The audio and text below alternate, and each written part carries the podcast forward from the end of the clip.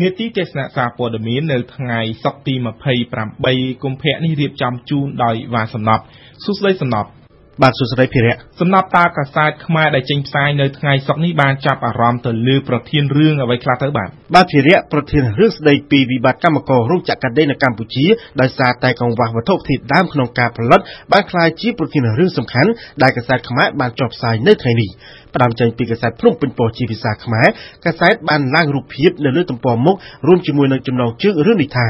រោងចក្រ10សុំព្យួរផ្នែកខ្លះនៃការផលិតព្រោះខ្វះវត្ថុធាតុដើមនិងរោងចក្រជិត200ទៀតនឹងប្រឈមក្នុងខែមីនា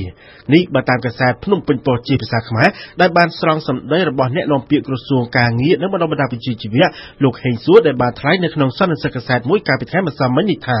យ៉ាងហោចណាស់រោងចក្រប្រមាណជា10រោងចក្រហើយបានស្នើសុំព្យួរការងារផ្នែកខ្លះនៃការផលិតរបស់រោងចក្រដោយសារខ្វះវត្ថុធាតុដើម ហើយអាចប៉ះពាល់ដល់កម្មករប្រមាណជា3000នាក់និងអត់ការងារធ្វើជាបណ្ដោះអាសន្ន កាសែតបានបន្តស្រង់សម្ដីរបស់អ្នកនាំពាក្យរូបនេះដែលបានថ្លែងនៅក្នុងសន្និសីទកាសែតមួយដែលបានរៀបចំដោយអង្គភាពអ្នកនាំពាក្យរដ្ឋាភិបាលកម្ពុជាស្ដីពីវឌ្ឍនភាពនិងទិសដៅការងារបន្តរបស់ក្រសួងការងារនិងបណ្ដុះបណ្ដាលវិជ្ជាជីវៈអំពីមូលហេតុដែលបណ្ដាលឲ្យមានការព្យួរការងារកម្មកររោងចក្រនេះនិងអត់ការងារធ្វើជាបណ្ដោះអាសន្នកាសែតបានបន្តស្រង់សម្ដីរបស់អ្នកនាំពាក្យក្រសួងការងារលោកហេងសួរដែលបានថ្លែងនៅក្នុងសន្និសីទកាសែតមួយដែលរៀបចំឡើងដោយអង្គភាពអ្នកនាំពាក្យរដ្ឋាភិបាលកម្ពុជាស្ដីពីវឌ្ឍនភាពនិងទិសដៅការងារបន្តរបស់ក្រសួងការងារនិងបណ្ដុះបណ្ដាលវិជ្ជាជីវៈដែលបានលើកឡើងថានៅមានរោងចក្រប្រមាណជិត200ទៀតនឹងប្រឈមនៅក្នុងខែមីនាខាងមុខដែលនឹងធ្វើឲ្យប៉ះពាល់ដល់កម្មករកម្ពុជាសរុបប្រមាណជិត16ម៉ឺននាក់នេះបើតាមកាសែតភ្នំពេញប៉ុស្តិ៍ ចិននឹងជួយកម្ពុជាអតិពលវីរុស COVID-19 រោងចក្រប្រមាណ200ប្រឈមខ្វះវត្ថុធាតុដើមនេះគឺជាចំណងជើងរឿងសំខាន់នៅលើទំព័រមុខរបស់កាសែតកោះសន្តិភាពកាសែតបានស្រង់សម្ដីរបស់លោកហេងសួរអ្នកនាំពាក្យក្រសួងការងារដោយបានទទួលស្គាល់អំពីផលប៉ះពាល់នេះប៉ុន្តែលោកបានលើកឡើងថាប្រមុខរដ្ឋាភិបាលកម្ពុជា បានត្រៀមនៅកញ្ចប់ថវិកាគ្រប់គ្រាន់ហើយសម្រាប់ទប់ទល់តែលោកនៅមិនទាន់បានបញ្ជាក់អំពីចំនួនប៉ុន្មាននោះនៅឡើយទេ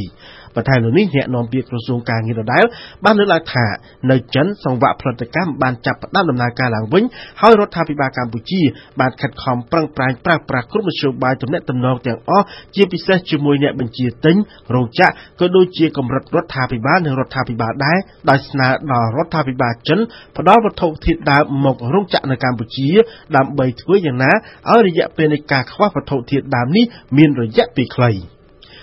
ចំណែកនៅលើទំព័រមុខរបស់កាសែតរស្មីកម្ពុជានិងកម្ពុជាថ្មីវិញហាក់ពុំសូវផ្ដល់តម្លៃរឿងនេះជារឿងសំខាន់នៅថ្ងៃនេះទេសម្រាប់រស្មីកម្ពុជាបានដាក់ចំណងជើងរឿងនេះជាអក្សរតូចល្មមនៅលើទំព័រមុខបែបជាការជូនដំណឹងថា មានរោងចក្រ10បានស្នើសុំព្យួរការងារលើផ្នែកខ្លះដោយសារតែកង្វះវត្ថុធាតុដើមចំណែកឯកម្ពុជាថ្មីវិញបានស្រង់សម្ដីរបស់អ្នកនាំពាក្យក្រសួងការងារលោកហេងសួរមកឡើងជាចំណងជើងរឿងនេះនៅផ្នែកខាងក្រោមនៃទំព័រមុខថា នៅខែមីនាខាងមុខរោងចក្រប្រមាណជិត200ប្រឈមនឹងកង្វះវត្ថុធាតុដើមពីប្រទេសចិនសំណប់បានអញ្ចឹងតើអ្វីទៅជាប្រធានរឿងសំខាន់របស់កាសែតរស្មីកម្ពុជានិងកម្ពុជាថ្មីនៅថ្ងៃនេះបាទ បាទភិរៈឆ្នាំ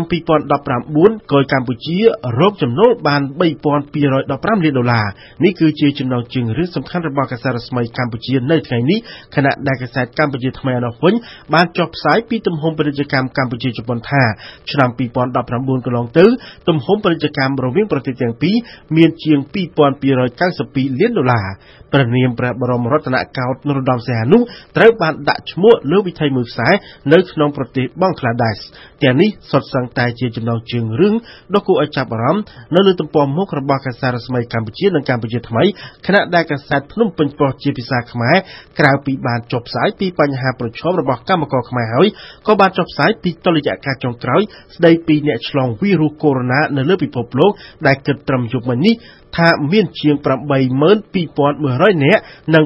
2800នាក់បានស្លាប់បាត់បង់ជីវិតបើតាមកាសែតស្ថានភាពនៅក្នុងប្រទេសចិនហាក់បានល្អប្រសើរឡើងវិញហើយប៉ុន្តែបញ្ជីឈ្មោះប្រទេសដែលប៉ះពាល់ដោយវីរុសកូវីដ -19 នេះបានកើនឡើងជាសកល និងដោយមានការឆ្លងមួយករណីដំបូងនៅអាមេរិកឡាទីន។ យើងមកបិទបញ្ចប់នីតិទេសនាសារព័ត៌មានរបស់យើងនៅថ្ងៃនេះដោយទៅមើលនៅលើទំព័រមុខរបស់កាសែតខ្មែរ Time ឯណោះវិញកាសែតសរសេរជាភាសាអង់គ្លេសនៅថ្ងៃនេះបានចុះផ្សាយពីដំណើរការកាត់ទោសរបស់លោកកឹមសុខាអតីតប្រធានគណៈបកប្រឆាំងគឺជារឿងសំខាន់ប្រចាំថ្ងៃនេះភារៈអរគុណវ៉ាសំណត់ដែលបានរៀបចំនីតិទេសនាសារព័ត៌មាននៅថ្ងៃនេះ